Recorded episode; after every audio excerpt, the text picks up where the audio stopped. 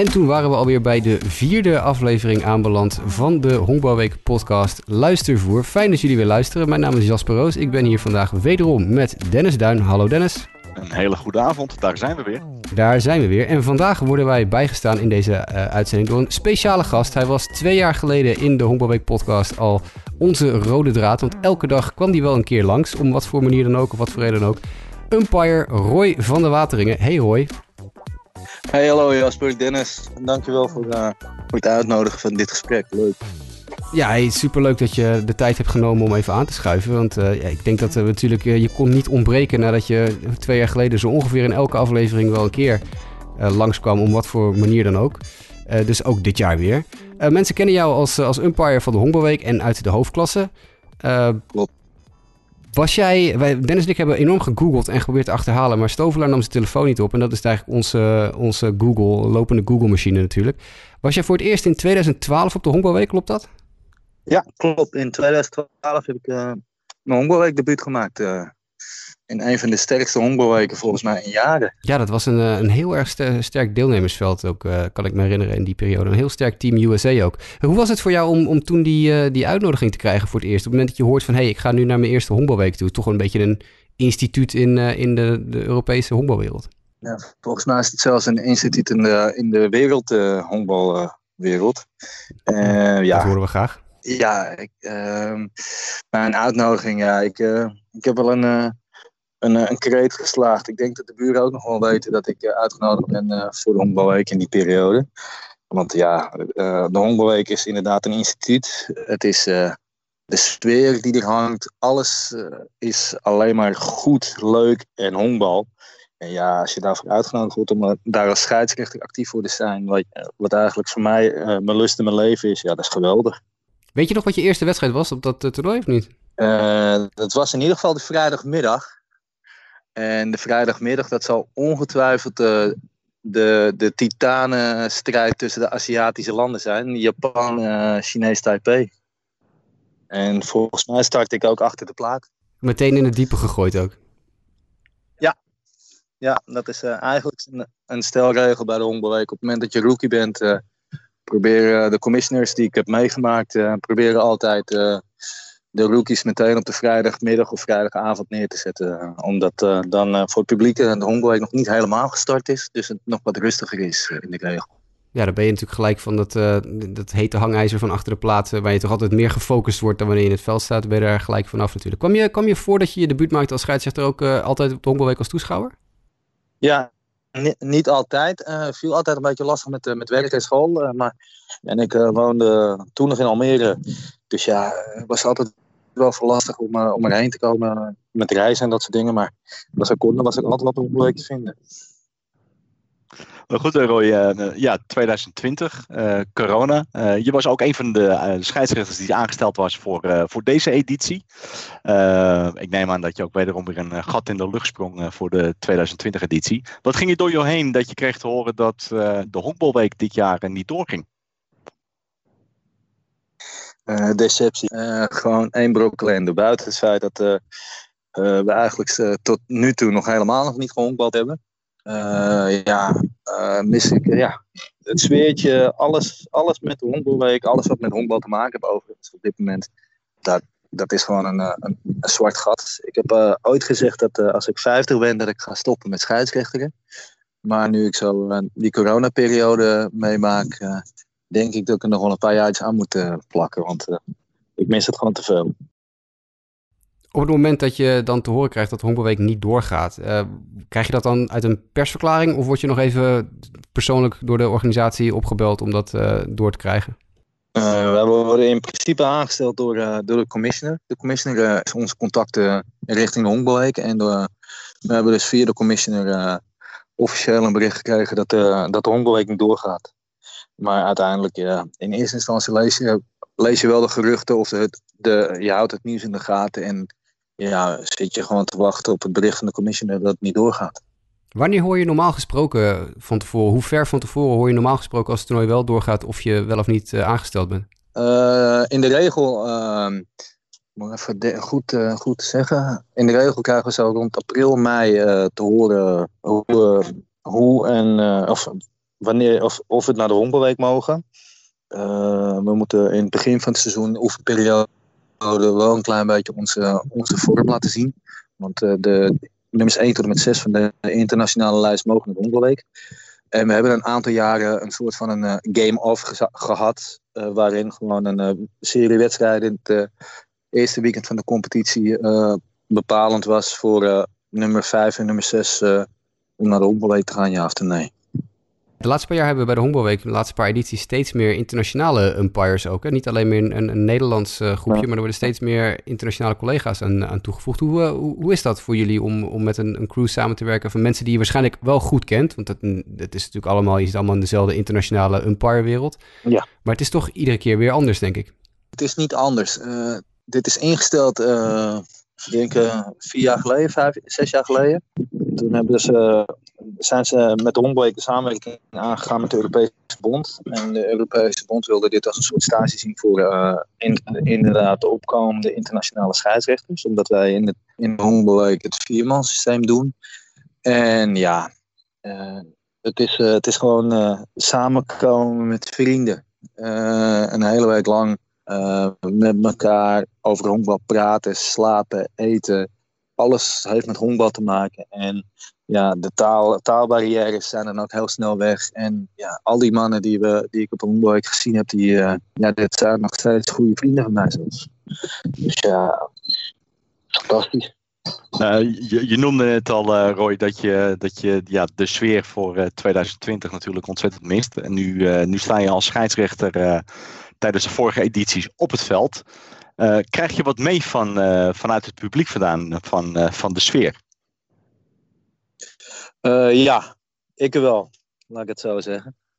ik, ik, ik hou er wel een beetje van. We moeten een beetje show hebben allemaal. En we moeten een beetje sfeer hebben in de, in de wedstrijd. En ik vind het ook wel eens leuk om af en toe gewoon eens door het publiek te lopen. En dan soms word je wel herkend. Zo. Maar ja, we maken van alles mee. Er zijn als ik, als ik er een anekdote in mag gooien. We hebben ooit eens een Australisch team gehad. En dan werd uh, André Hughes, uh, die werd daar weggestuurd naar een strikeout call. En die riep heel hard, are you fucking kidding me?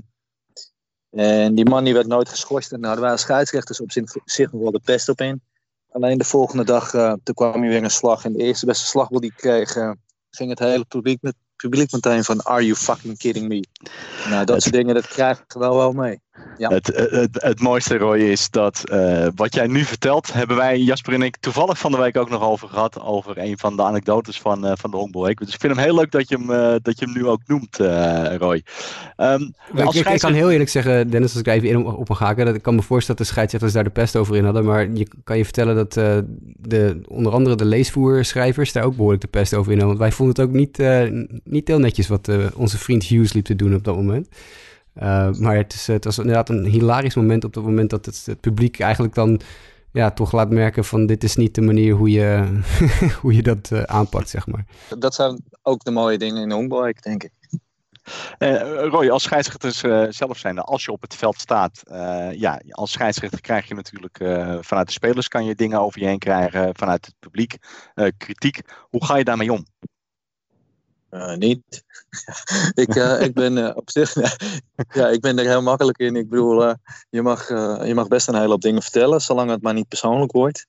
En als er zinnen beginnen met jij bent, of ja, dan, dan is het voor mij heel simpel. Dan ben je uit de wedstrijd. vanuit het publiek, ja, dat vind ik alleen maar fantastisch. ik ga wel naar de Hongerweek met een beetje een instelling dat we, dat we wel daar het publiek moeten vermaken.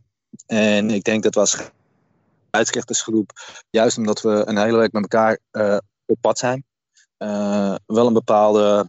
Je, je, je tolerantiegrens zal iets hoger liggen dan normaal. En je zal meer voor, uh, voor de, wat is het, de entertainment gaan op het veld, zodat de coaches ook wat meer kunnen schreeuwen en blaren tegen je. Zodat er wat, wat leuke dingen gebeuren op het veld. Maar, dus ja, ik, uh, ik lig daar niet zo wakker van, moet eerlijk zeggen. Jij bent ook een van de scheidsrechters, uh, heb ik het laatste jaar gemerkt, die per definitie eigenlijk altijd eventjes wat tijd gaat lopen rekken als de vlieger nog niet af is. Want er wordt pas weer gehompeld natuurlijk als het publiek uitgezongen is met de vlieger.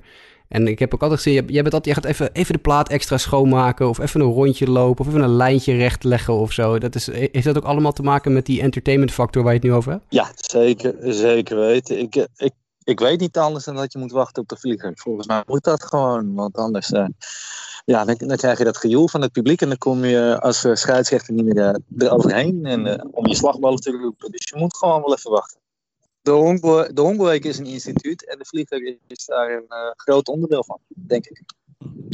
En je vertelde net al je, je anekdote van, vanuit het Australische team. wat, is, wat is jouw mooiste honkbalweekervaring als, als, als scheidsrechter zijnde? Dat is de wedstrijd geweest. Puerto Rico-Amerika. was een middagwedstrijd. Stond ik achter de plaat. En ja, het zijn toch wel twee landen. Zeker toen mijn eerste Honkbalweek uh, 2012, het jaar nadat Nederland uh, wereldkampioen is geworden. Puerto Rico, Amerika, die dus gewoon met een heel sterk team komen. En ik stond zenuwachtig bij de thuisplaat en ik, om de line-ups in ontvangst te nemen.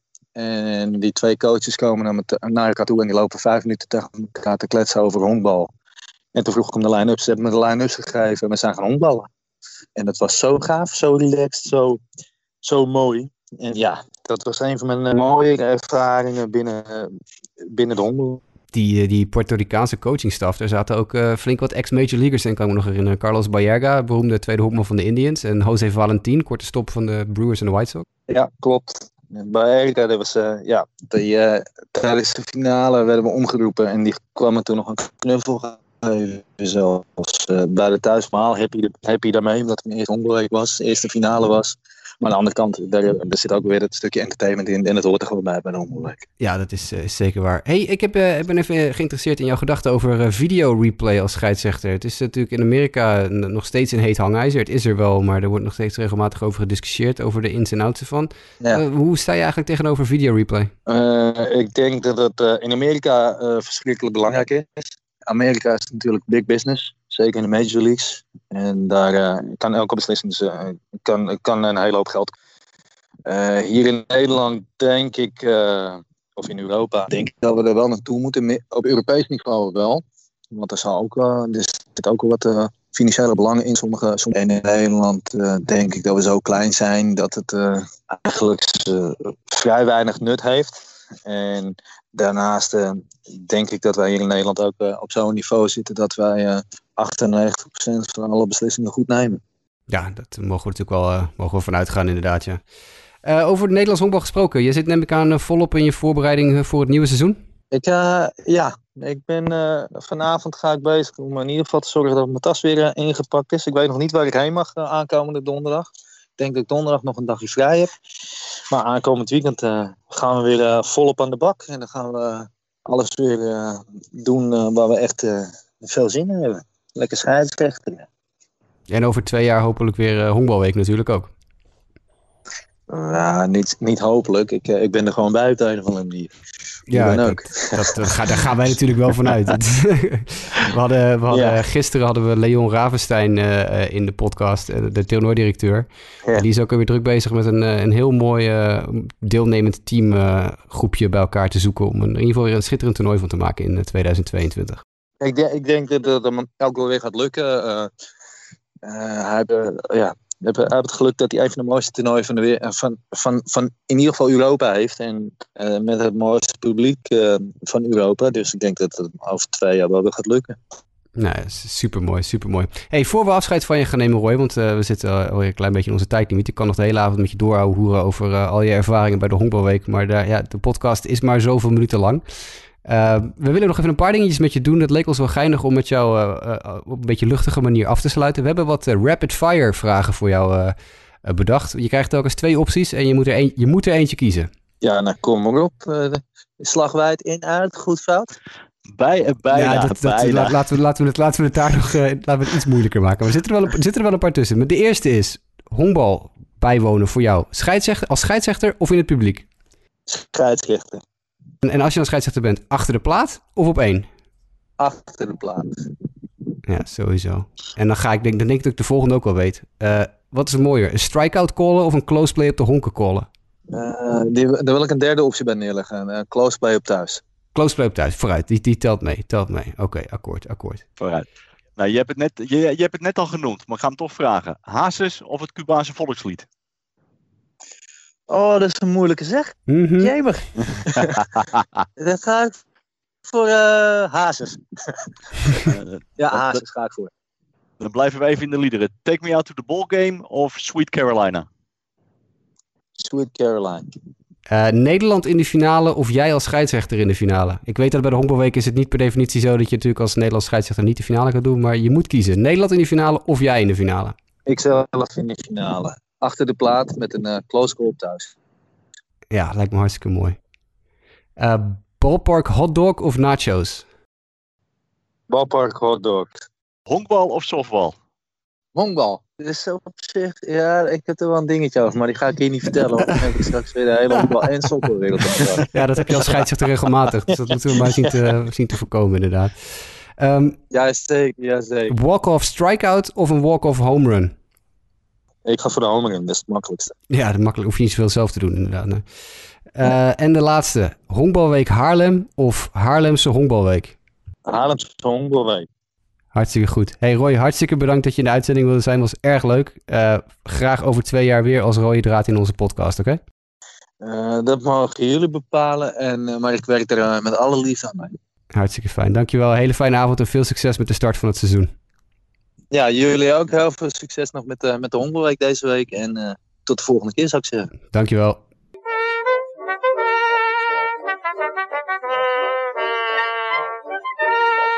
Een wedstrijd spelen zonder scheidsrechters is niet mogelijk. Tijdens de honkbalweek heeft elke wedstrijd vier scheidsrechters. Eén achter de plaat en één bij elk van de drie honken. Tot in de jaren 80 was dat een illuster gezelschap. Met umpires als Teun van den Berg, Cor Blitterswijk, Hans Korpelijn, Piet van Denen, Co Hetem, Bert Lauwer, Jan Pauwels, Henk Ronnenberg, Henk de Ruiter, Hans Schotel, André Schrijber, Piet Schijvenaar, Bert Staller, Evert van Tuil en Aart Wedemeijer. Mannen die er helaas allemaal niet meer zijn, maar die we altijd zullen blijven herinneren.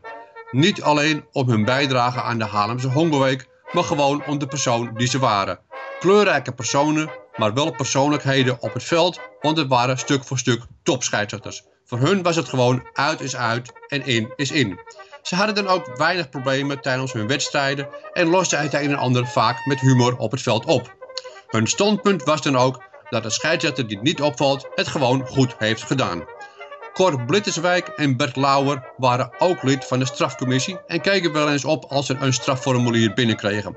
Hadden ze dat dan niet beter op het veld kunnen regelen was hun mening. Ook vonden ze dat het vaak de houding van een coach was hoe een speler kon reageren. Tijdens hun deelname aan de honkbalweken hebben ze altijd enorm veel plezier gehad en konden met smaak hun anekdotes vertellen. Maar ze moesten in het begin ook wel even wennen aan het niveau. Zo vertelde Hans Schotel, die begin dit jaar helaas overleed, ooit over de eerste honkbalweek in 1961. We hadden nog nooit een dergelijke ervaring gehad, enorm goed honkbal en spel waar we gewoon niet aan gewend waren, zei Schotel. Tijdens de eerste toernooien werkten de meeste scheidsrechters overdag gewoon ook. Net zoals Hans Schotel. Die ging op een dag snel vanuit kantoor in Amsterdam op weg naar Haarlem voor zijn wedstrijd. Hij pakte snel zijn tas in, maar aangekomen in het stadion bleek dat hij zijn broek was vergeten. Zijn eigen broek aanhouden kon niet, want de scheidsrechters moesten toen helemaal in het zwart gekleed gaan. Schotel heeft toen maar een uniformbroek geleend van collega Piet van Denen, die werkte bij de politie en zo is hij het veld opgegaan. Jan Pauwels had een hele andere ervaring tijdens zijn honkbalweek in 1980. Pauwels was een paar weken daarvoor tijdens een competitiewedstrijd geraakt door een bal en had erbij zijn kaak gebroken en was nog herstellende. Pauwels kwam daardoor alleen maar als veldscheidsrechter in actie tijdens die bewuste hongerweek. Pauwels noemde het zelf lekker rustig die week. Maar dat kan ook een andere oorzaak hebben gehad. Tussen de innings door kregen de scheidsrechters regelmatig wat te drinken. Powers vertelde, iedereen kreeg cola, zei uh, maar die schurken hadden bij mij cognac in mijn bekertje gedaan en dat deden ze gewoon elke keer. Overigens zijn de beslissingen van Powers in die week nooit in twijfel getrokken. Een andere kleurrijke scheidsrechter was natuurlijk Piet Schijvenaar. Tijdens zijn eerste honkbalweek in 1963 stond hij achter de plaat bij de wedstrijd tussen Nederland en de Sullivans. De middagwedstrijd was na zes innings gestaakt vanwege regen en ook bij het begin van de avondwedstrijd misde het. Maar het stadion was volledig uitverkocht en dus werd er aan de wedstrijd begonnen. Na drie of vier innings regende het echter zo erg dat spelen eigenlijk niet mogelijk was. Schrijvenaar nam zich toen voor dat hij door zou gaan tot de vijfde inning. De wedstrijd zou dan immers geldig zijn en daarna zou hij stoppen. En dat deed hij ook. Maar dat had hij beter niet kunnen doen. Ondanks het slechte weer ging het publiek vreselijk tekeer toen Schrijvenaar van het veld liep. Hij werd uitgefloten en binnen de kortste keren had hij in de kleedkamer bijna het volledige organisatiecomité op zijn dak onder leiding van voorzitter Gerard Voogd, zo vertelde Schijvenaar. Die vroeg hem waar hij nou helemaal mee bezig was en hoe hij het in zijn hoofd haalde om te stoppen. Schijvenaar zat nooit om een antwoord verlegen en hij zei gewoon, nou ik ga ermee stoppen omdat het onverantwoord is om verder te spelen. Voogd antwoordde dat er niemand van het publiek wegging en gewoon bleef zitten. Hij wilde dat er verder werd gespeeld. Oké, zei Schijvenaar toen, maar hij wil op jullie verantwoordelijkheid. En dus keerde Schijvenaar terug naar het veld. Over dat moment zei Schijvenaar, het leek wel of de koning binnenkwam. Ik kreeg een staande ovatie en ik was de held van de dag. Uiteindelijk kon er na 6,5 inning echt niet meer worden gespeeld. Sullivans won het duel met 2-1. Twee jaar geleden kwam Piet Schijvenaar ook al voorbij in onze podcast. Ik vertelde toen dat hij in een competitieduel bij een beslissing op de thuisplaats struikelde, tussen de spelers terechtkwam en toen er even twijfel was over zijn beslissing, dat hij toen antwoordde dat hij het helemaal zeker wist, omdat hij er nog nooit zo dicht bovenop had gestaan. Een ander memorabel moment van Schijvenaar kwam in een andere competitiewedstrijd tussen EHS en HHC. Internationals G. Hogenbos en Martin Jolen speelden toen voor HHC. Het was een lange wedstrijd die zeker 3,5 uur duurde. Op een gegeven moment kwamen Hogenbos en Jolen naar Schijvenaar toe.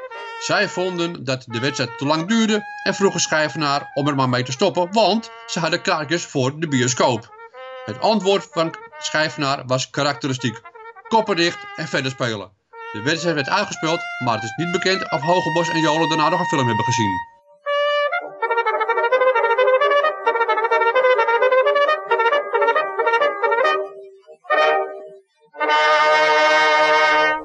Nou, veel toepasselijker dan dit uh, kan je het ook niet krijgen, denk ik, voor het moment van Marco Stovelaar. Want ook de honkbal-umpires van de Honkbalweek kregen aandacht in zijn uh, ja, moment van Marco eigenlijk. Um, dat brengt ons alweer bijna bij het einde van de uitzending, Dennis. Maar traditiegetrouw kom jij er nu in met gestrekt been met de like- en winnen actie. Ja, zeker te weten. Dinsdag 30 juni. We hebben vandaag de like- en winnen actie van de wijnkoperij Molenaar. En uh, mocht je 12 flessen wijn kopen tijdens, uh, tijdens de Hondelweek, krijg je een, een Magnum uh, gratis erbij. En dan morgen, woensdag 1 juli, wordt er door de KNBSB een shirt van het Nederlands team beschikbaar gesteld.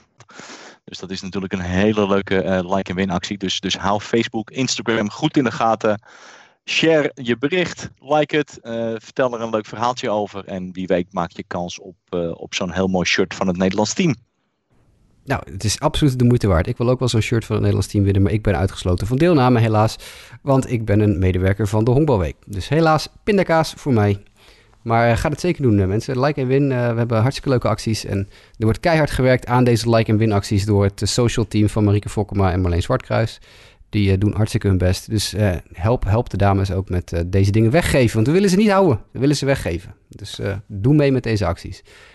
Nou Dennis, dat is het einde van aflevering 4 van onze podcast Luistervoer van, van dit jaar 2020. Morgen hebben wij te gast Marleen Zwartkruis. Onze baas. Onze baas, ja, dat is heftig. We krijgen natuurlijk nu uh, uh, Heffa. Uh, ja, lach Heffa. Nou moeten we, nu moeten we op, wat we gaan zeggen natuurlijk.